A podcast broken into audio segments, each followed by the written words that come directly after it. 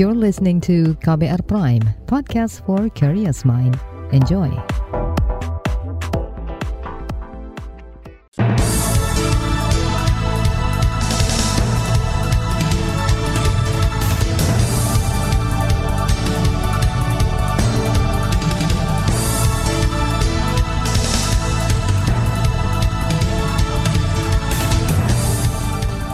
Selamat pagi saudara, senang sekali kami bisa menjumpai Anda melalui program Buletin Pagi edisi Selasa 5 Juli 2022. Bersama saya Roni Sitanggang, sejumlah informasi pilihan telah kami siapkan. Di antaranya, animo masyarakat untuk vaksinasi booster menurun. Dewas KPK gelar sidang etik Lili Pintauli. Anis Jamin ternak di Jakarta bebas PMK. Inilah Buletin Pagi selengkapnya. Terbaru di Buletin Pagi. Saudara Presiden Joko Widodo meminta pelaksanaan protokol kesehatan kembali digaungkan seiring dengan tren kenaikan kasus COVID-19. Saat menyampaikan pengantar dalam rapat terbatas evaluasi PPKM di Istana Merdeka kemarin, Jokowi meminta agar pengendalian COVID-19 dilakukan secara baik, sehingga tidak mengganggu pemulihan ekonomi. Kepala negara menginstruksikan jajarannya melakukan pendekatan sosial agar masyarakat mau divaksinasi penguat atau booster. Pasalnya, cakupan vaksinasi dosis ketiga itu masih kurang dari 25 persen. Menteri Kesehatan Budi Gunadi Sadikin mengatakan salah satu bentuk pendekatan sosial yang inovatif adalah memperlakukan kebijakan wajib booster untuk masuk pusat perbelanjaan. Ia beralasan pusat perbelanjaan masih digemari masyarakat untuk berkumpul bersama keluarga. Cara lain yaitu dengan memperluas penerapan kebijakan wajib booster. Perlu kita ketahui data saintifiknya menunjukkan bahwa sesudah enam bulan terjadi penurunan. Jadi jauh lebih baik, jauh lebih siap, jauh lebih waspada kalau kita juga segera melakukan vaksinasi booster, apalagi kalau sudah enam bulan sejak dosis kedua diberikan. Itu akan memberikan perlindungan dan ya hati-hati tidak ada buruknya dan disuntik itu kan apa sih itu kan saya rasa kalau saya sih mendingan disuntik daripada dicolok PCR gitu karena hidungnya kan nggak enak sekali. Menteri Kesehatan Budi Gunadi Sadikin menambahkan minat masyarakat kurang karena tingkat kesadaran akan manfaat booster rendah. Selain itu beberapa masyarakat merasa cukup dengan dua dosis saja. Lambatnya vaksinasi booster dirasakan oleh sejumlah pemerintah daerah. Salah satunya Kabupaten Kapuas, Kalimantan Tengah. Hingga akhir bulan lalu cakupan vaksinasi booster di Kapuas baru mencapai 20-an persen. Kepala Bidang Pencegahan dan Pengendalian Penyakit di Dinas Kesehatan Kapuas, Tonun Irawati Panjaitan mengatakan, percepatan booster sulit dicapai karena kurang didukung kebijakan pemerintah. Kenapa target yang dicapai booster yang seharusnya 30% tetapi rata-rata kabupaten atau provinsi se-Indonesia itu tidak mencapai target ada beberapa faktor. Salah satunya adalah keluarnya peraturan penerbangan yang di mana awalnya dulu harus melengkapi dosis 1, 2, dan 3 baru tidak diharuskan untuk PCR tetapi sekarang cukup hanya dosis 1 dan 2 sudah bisa tanpa PCR sehingga masyarakat memang merasa tidak perlu lagi untuk booster. Hal serupa juga terjadi di Papua. Dinas Kesehatan Merauke menyebut warga di sana enggan menerima vaksinasi booster lantaran tak lagi dijadikan syarat perjalanan. Cakupan vaksinasi booster di Papua sangat rendah yakni sekitar 6 persen. Menurut anggota DPR Komisi Kesehatan Rahmat Handoyo, anggapan bahwa pandemi COVID-19 telah melandai membuat cakupan booster rendah. Dia mendukung pemerintah menerapkan kebijakan syarat vaksinasi dosis ketiga untuk mengakses area publik. Boro-boro booster, yang vaksin lengkap saja masih belum sesuai keinginan WHO ya, standar WHO kan per Juni kemarin kan 70 persen. Sedangkan saat ini masih menuju proses 70 persen. Nah, kenapa sampai uh, belum sesuai dengan target dan termasuk booster masih rendah di bawah 25 persen? Karena animo masyarakat juga sudah sangat rendah gitu ya. Bahkan ketika saya mengadakan program vaksinasi pun untuk mendorong atau datang ke program vaksinasi booster pun juga sulit gitu loh. Anggota DPR Komisi Kesehatan Rahmat Handoyo mendorong pemerintah mengencarkan sosialisasi mengenai kehalalan dan keamanan booster, sebab dua isu itu turut mempengaruhi rendahnya cakupan booster. Dia juga mendorong pemerintah menggandeng tokoh masyarakat hingga tokoh adat. Sementara itu, organisasi lapor COVID-19 setuju dengan keputusan Presiden Jokowi mempersyaratkan vaksin booster untuk mengakses ruang publik.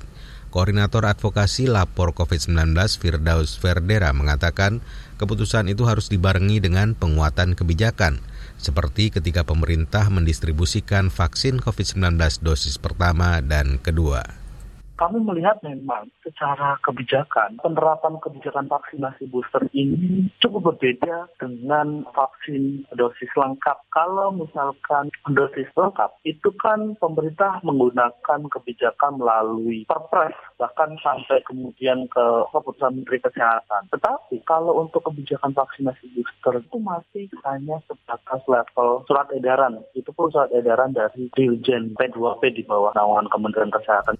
Koordinator Advokasi Lapor COVID-19 Firdaus Verdera menilai komunikasi risiko yang diterapkan oleh pemerintah juga cenderung membingungkan. Beberapa kebijakan pelonggaran yang dilakukan membuat masyarakat meyakini pandemi jauh membaik, sehingga tak perlu lagi ada perlindungan seperti vaksin penguat atau booster. Saudara Dewas KPK akan menyidang etik Lili Pintauli hari ini. Tetaplah di Buletin Pagi KBR.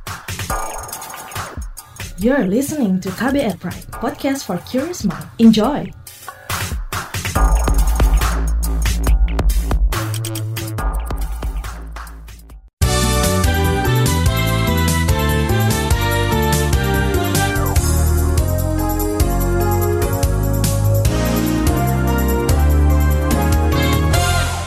Anda sedang mendengarkan buletin pagi KBR.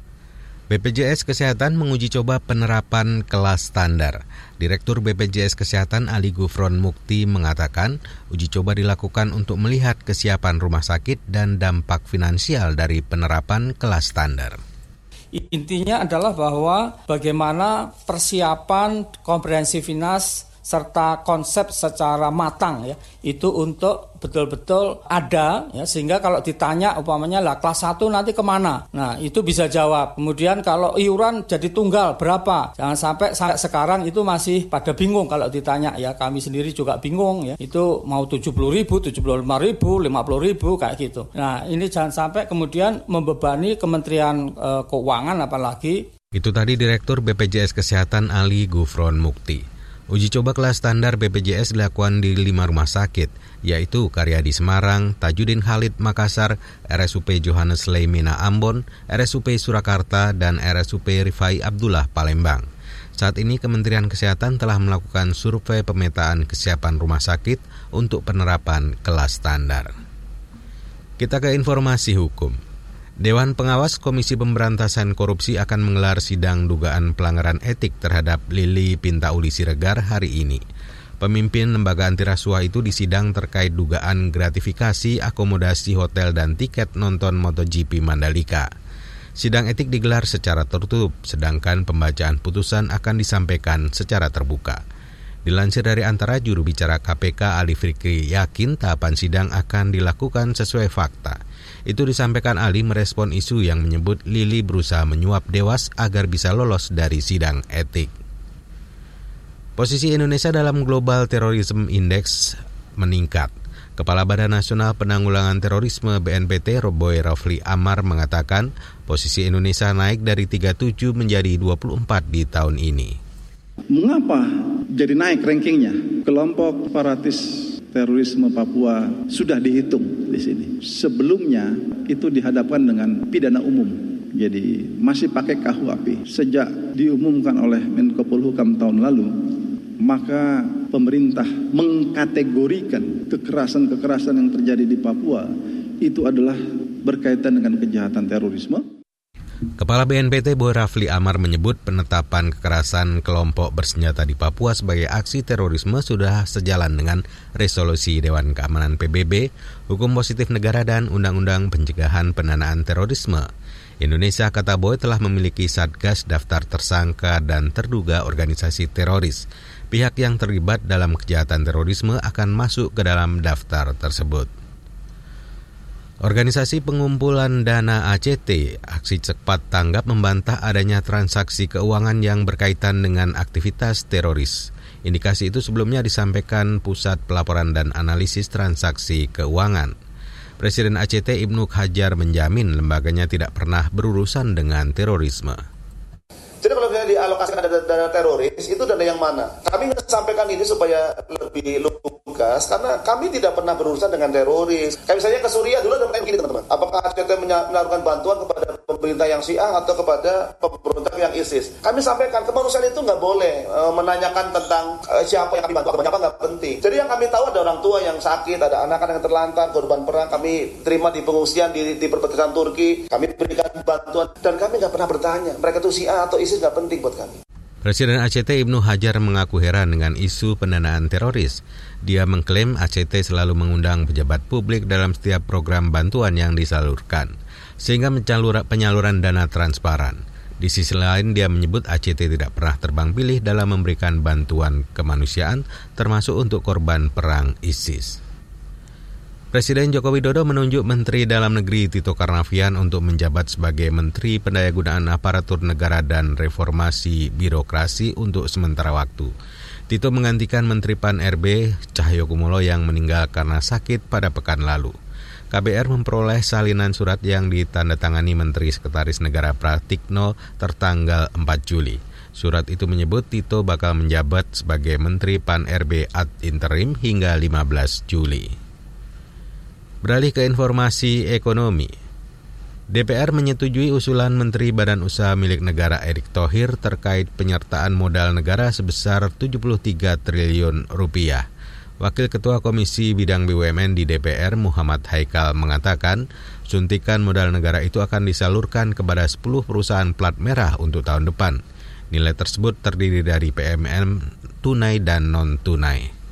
Komisi 6 DPR RI menyetujui usulan penyertaan modal negara tunai tahun 2023 dengan rincian sebagai berikut. A. PT Perusahaan Listrik Negara Persero sebesar 10 triliun rupiah yang akan digunakan untuk pembangunan infrastruktur ketenaga listrikan untuk sektor pembangkit transmisi, gardu induk distribusi termasuk di dalamnya pelaksanaan program listrik desa dan pembangkit EBT. Ini penugasan ya. Itu tadi Wakil Ketua Komisi Bidang BUMN DPR Muhammad Haikal. Selain kepada PLN, perusahaan lain juga akan mendapatkan kucuran dana PMN, di antaranya PT Land Industri, PT Rajawalti Nusantara Indonesia, PT Hutama Karya, dan PT Kereta Api Indonesia. Kita ke informasi mancanegara. Ratusan warga demo di jalanan Ohio, Amerika Serikat memprotes aksi penembakan yang dilakukan polisi terhadap pria kulit hitam bernama Jalen Walker. Peristiwa yang terjadi pada akhir Juni lalu itu baru terungkap belakangan ini. Dalam video yang dirilis Ahad kemarin, delapan polisi di Akron, Ohio tampak menembaki Jalen Walker hingga tewas. Laporan medis menyatakan Walker mendapat sekitar 60 luka tembak di tubuhnya. Dia tewas saat berusaha kabur setelah mobilnya dihentikan karena melanggar lalu lintas. Saat ini delapan polisi yang diduga terlibat tengah diberikan cuti sampai investigasi rampung. Beralih ke informasi olahraga. Timnas Indonesia U19 membantai Brunei Darussalam dengan skor 7-0 dalam lanjutan Piala AFF di Stadion Patriot Kandrabaga malam tadi. Empat gol skuad Garuda dicetak Hoku Karaka. Tiga gol lain disumbang masing-masing oleh Ronaldo Kuateh, Arkan Fikri, dan Nico. Dengan hasil ini tim asuhan Sintayong merangkak naik ke urutan kedua klasemen sementara. Indonesia mengumpulkan poin 4, unggul produktivitas gol dari Vietnam di peringkat ketiga. Sementara puncak klasemen grup A saat ini dikuasai oleh timnas Thailand. Garuda Muda akan melakoni laga krusial yang bisa menentukan langkah semifinal. Mereka bakal menghadapi Thailand pada Rabu ini. Ajang olahraga disabilitas intelektual Pekan Spesial Olimpik Nasional Pesonas 2002 resmi dibuka malam tadi. Acara yang digelar di Kota Semarang, Jawa Tengah itu dibuka oleh Gubernur Jawa Tengah Ganjar Pranowo dan Menteri Pemuda dan Olahraga Zainuddin Amali. Seribuan atlet penyandang disabilitas dari 12 cabang olahraga akan unjuk kemampuan di ajang yang digelar di Jawa Tengah itu. Pesonas akan digelar hingga 8 Juli mendatang. Saudara di bagian berikutnya kami hadirkan laporan khas KBR bertajuk Sengkarut Penanganan Wabah Penyakit Mulut dan Kuku pada Ternak. Nantikan sesaat lagi. You're listening to KBR Pride, podcast for curious mind. Enjoy!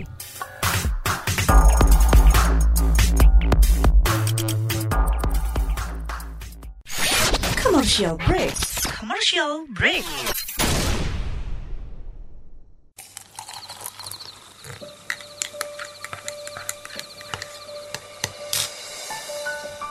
Hai, kamu apa kabar? Masih suka menikmati senja dan kopi? Aku masih ingat kebiasaan kita. Sehabis pulang kerja, selalu mencari tempat untuk sekedar ngobrol dan ngopi. Tapi kadang kita kehabisan bahan obrolan. Aku masih melakukan hal yang sama sampai sekarang tanpa harus takut habis bahan buat ngobrol karena aku selalu mendengarkan KBR sore dari Senin sampai Jumat jam 4 sore. Ah, aku rindu. KBR Inspiratif Terpercaya.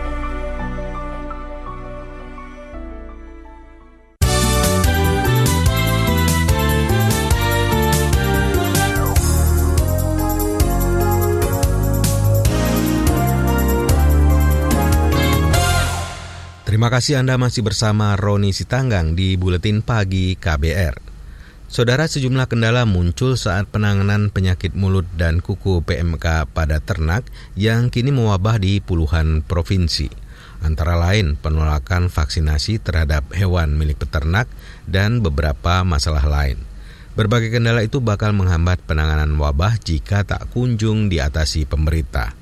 Selengkapnya simak laporan khas KBR yang disusun jurnalis KBR Reski Novianto.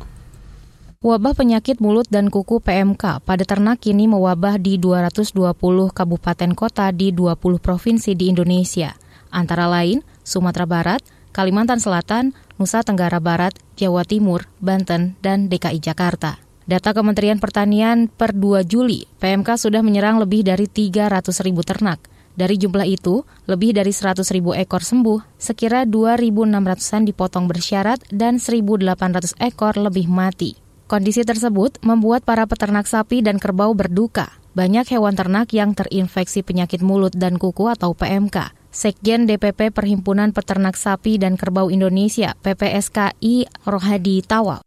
Jadi menurut saya bertambah hari bertambah terus dan bahkan sudah mungkin akan agak sulit dikendalikan kalau tidak ada tindakan nyata real dari pemerintah dalam bentuk vaksinasi maupun kegiatan-kegiatan ganti mengganti ternak dengan biaya penggantian karena akhirnya mereka menjual murah dan dipotong di RPH dan di RPH itu sangat penuh dan ini kekhawatiran kita adalah sudah mulai terdampak ke mana-mana.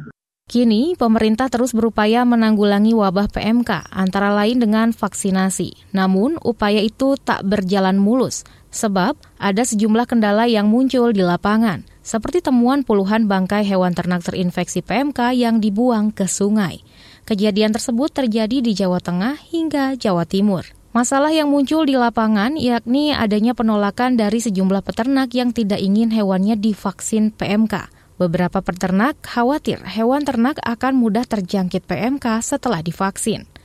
Merebaknya wabah PMK juga membuat para petani sapi mengeluhkan sulitnya menjual dan mendistribusikan ternak di tengah wabah penyakit mulut dan kuku. Padahal, para peternak mengaku hewan ternak mereka telah mengantongi surat keterangan sehat. Walaupun memang dengan SKKH yang ada, itu mungkin secara uh, resmi ternak kami sehat, akan tetapi uh, setiap kota atau setiap tempat mempunyai kebijakan pribadi yang sifatnya di situ adalah dilarang masuk untuk ternak dari daerah lain dan dilarang keluar ternak dari daerah tersebut. Masalah seputar penanganan PMK yang muncul bukan hanya terjadi di lapangan, namun juga dari sisi internal, yakni lambatnya realisasi anggaran untuk vaksin darurat penyakit mulut dan kuku. Tahap pertama sebanyak 2,2 juta dosis yang masih dalam proses pencairan. Sekretaris Kementerian Pertanian Kasdi Subagiono mengatakan pemerintah menggelontorkan anggaran triliunan rupiah untuk penanganan PMK. Jadi 4,4,6 eh, ini sebenarnya sudah disetujui juga di di uh, rapat internal dengan Bapak Presiden. Nah, yang saya maksudkan tadi review itu untuk mendetailkan Bapak, untuk mendetailkan rincian daripada kegiatan-kegiatan yang mana yang oleh evaluasi DJA nanti dianggap kurang atau bahkan dianggap lebih itu bergeser setelah itu. Kasdi menambahkan anggaran itu sudah dibahas di Kemenko Perekonomian dan telah disetujui bersama keperuntukannya antara lain untuk pengadaan lebih dari 43 juta dosis vaksin PMK. Sementara sisanya dialokasikan untuk pengadaan vitamin, obat-obatan, serta rantai dingin untuk kebutuhan distribusi vaksinasi. Upaya lain yang dilakukan pemerintah ialah menyemprot kandang dengan desinfektan, pembatasan mobilitas ternak. Menteri Pertanian Syahrul Yasim Limpo menegaskan penanganan berbagai permasalahan di lapangan terus dilakukan. Perintah Bapak Presiden sama kami di Kementan dan yang lain, gugus tugas yang lain adalah all out bantu para pemerintah daerah, provinsi, dan kabupaten, khususnya para peternak, agar menghadapi PMK ini bisa kita kendalikan dengan cepat.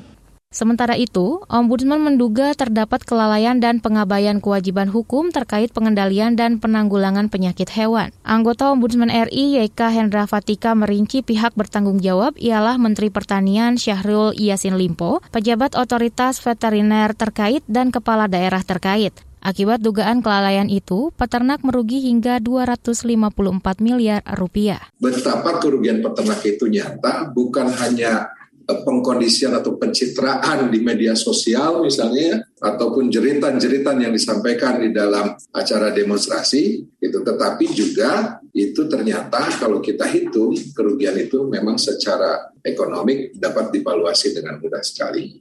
Demikian laporan khas KBR yang disusun Reski Novianto, saya Dwi Renjani. Informasi dari berbagai daerah kami hadirkan usai jeda berikut ini. You're listening to KBR Pride, podcast for curious mind. Enjoy!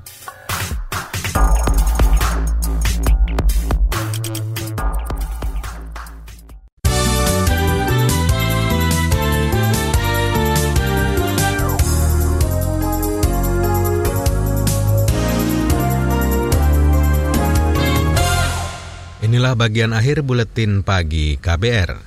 Saudara Koalisi Selamatkan Lembah Grimenawa mendesak pemerintah Kabupaten Jayapura, Papua segera mencabut izin perusahaan sawit PT Permata Nusantara Mandiri. Tigor Hutapea dari Yayasan Bentala Rakyat mengatakan perusahaan itu diduga memperoleh izin tanpa persetujuan pemilik tanah adat yang dialihfungsikan oleh perusahaan. Pelanggaran yang dilakukan ini adalah kategori pelanggaran berat. Tidak ada alasan bagi Pemda ataupun pihak-pihak lain khususnya Pemda Kabupaten maupun Pemda Provinsi untuk tidak mencabut izin dari PT PNM. Baik itu izin lokasinya, izin lingkungannya, izin usaha perkebunannya maupun HGU yang sudah diterbitkan itu sudah harus dilakukan e, dan suara masyarakat sudah menyampaikan itu. Kiranya itu pertimbangan yang bisa digunakan oleh Pemda. Tigor Hutapea dari Yayasan Bentala Rakyat menambahkan koalisi meminta lokasi perkebunan perusahaan dikembalikan kepada masyarakat adat sebagai pemilik hak ulayat sebab masyarakat adat tidak pernah melepaskan tanah mereka untuk perkebunan.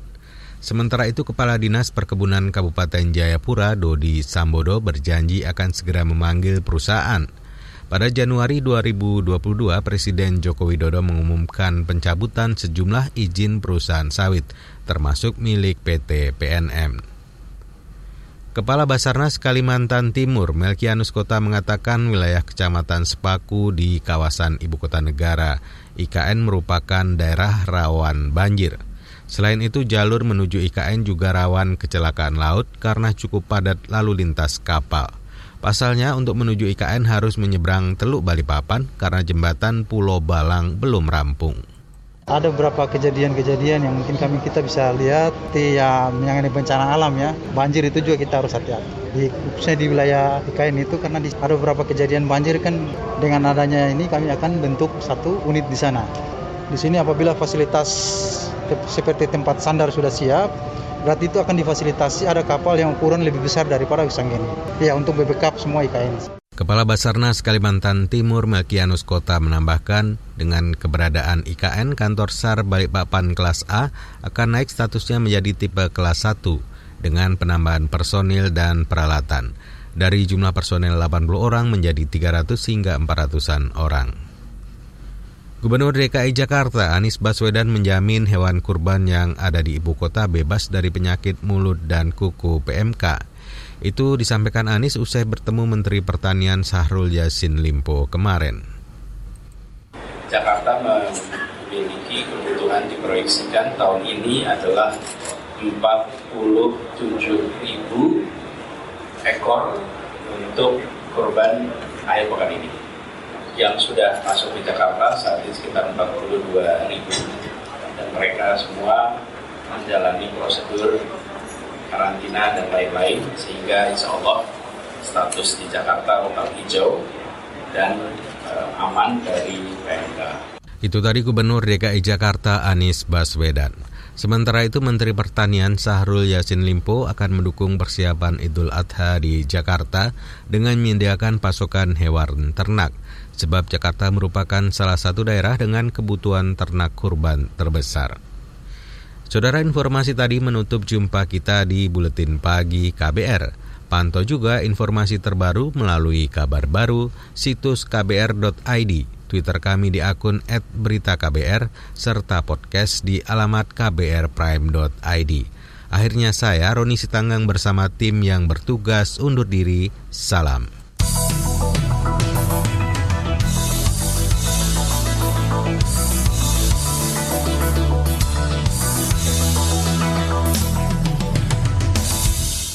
KBR Prime, cara asik mendengar berita.